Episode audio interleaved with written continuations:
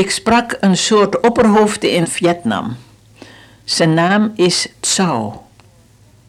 Ik had een week eh, voor zijn stam gesproken en hij bedankte me in naam van zijn stamgenoten. Hij sprak me toen met de titel Dubbel oude grootmoeder. Bij de Chil-stam en alle stammen in het oerwoud van Vietnam is ouderdom een grote eer. Hij zei verder: U komt van ver, heel ver weg. U bent oud, heel erg oud. U hebt heel lang moeten reizen om hier te komen om ons van den Heer Jezus te vertellen. Wilt u uw stam bedanken dat ze u hebben laten gaan om hier te komen? Hij gaf me een koperen armband. Dat was een teken van een verbond met zijn stam. Dat wordt gegeven als stammen zich verzoenen, als een grote schuld helemaal betaald is. Ook bij het trouwen van twee mensen. Bij u, zei zou, is het een gebedsverbond. Wij zullen voor u bidden, u bidt voor ons.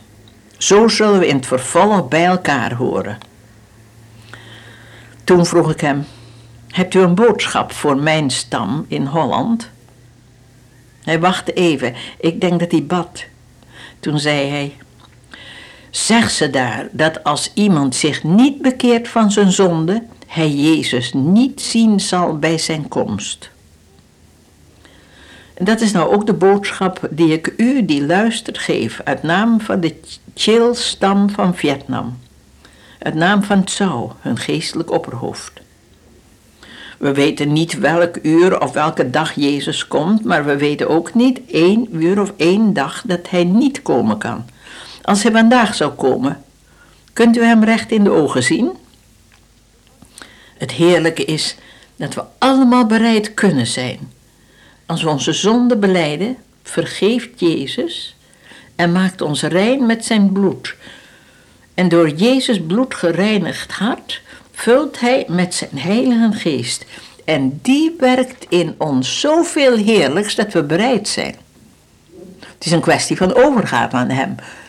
Van wie de Bijbel zegt, die in u een goed werk heeft begonnen, zal het voleindigen tot op den dag van Jezus' wederkomst.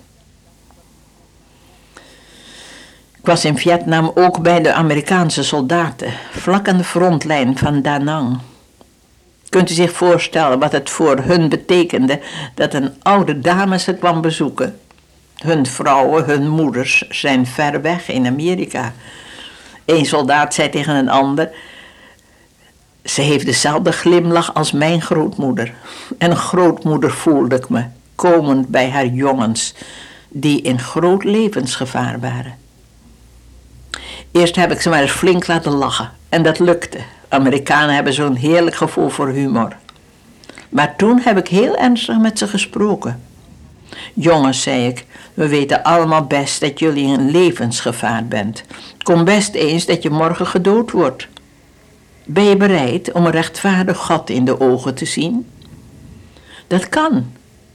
Als je je van je zonde bekeert, ze bij Jezus brengt. Hij wil je vergeven en je hart reinigen met zijn bloed en vervullen met zijn geest. Hij heeft gezegd, kom tot mij. En die tot mij komt, zal ik geen zins uitwerpen. Vele jongens, vele mannen kwamen. Het is heel wel mogelijk dat ze nu al in de hemel zijn. Hoe staat het met u die luistert?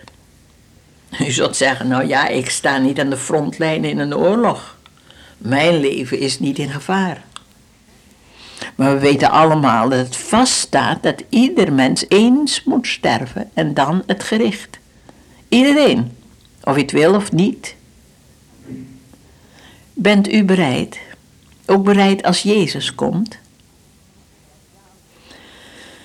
Als u daar ja op kunt zeggen, dat is heerlijk. Maar gebruik nou ook uw tijd om anderen de weg te wijzen. Het was niet makkelijk voor mij om door Vietnam en Indonesië te reizen. Ik werd zelfs een beetje ziek. Het klimaat, al die ellende die ik zag, het moeilijke reizen in troepentransportvliegtuigen. Ik moest zelfs eerder terugkomen dan ik van plan was geweest. Ieder mens heeft een eeuwigheid te winnen of te verliezen. En als we Jezus kennen, weten we de weg. En dat moeten we anderen vertellen. Hij is de weg, de waarheid, het leven. Vertel het maar aan velen. Laten we werken zolang het dag is. U in uw klein hoekje en ik in het mijn, zoals de kinderen zingen. Roept de Heer u om ver weg te gaan? Doen hoor. Moet u hier blijven? Gehoorzaam. God kan ons alleen daar gebruiken waar Hij ons roept. Is het niet heerlijk te werken voor een koning die nog nooit een slag verloor? En Hij wil u en mij meer dan overwinnaars maken.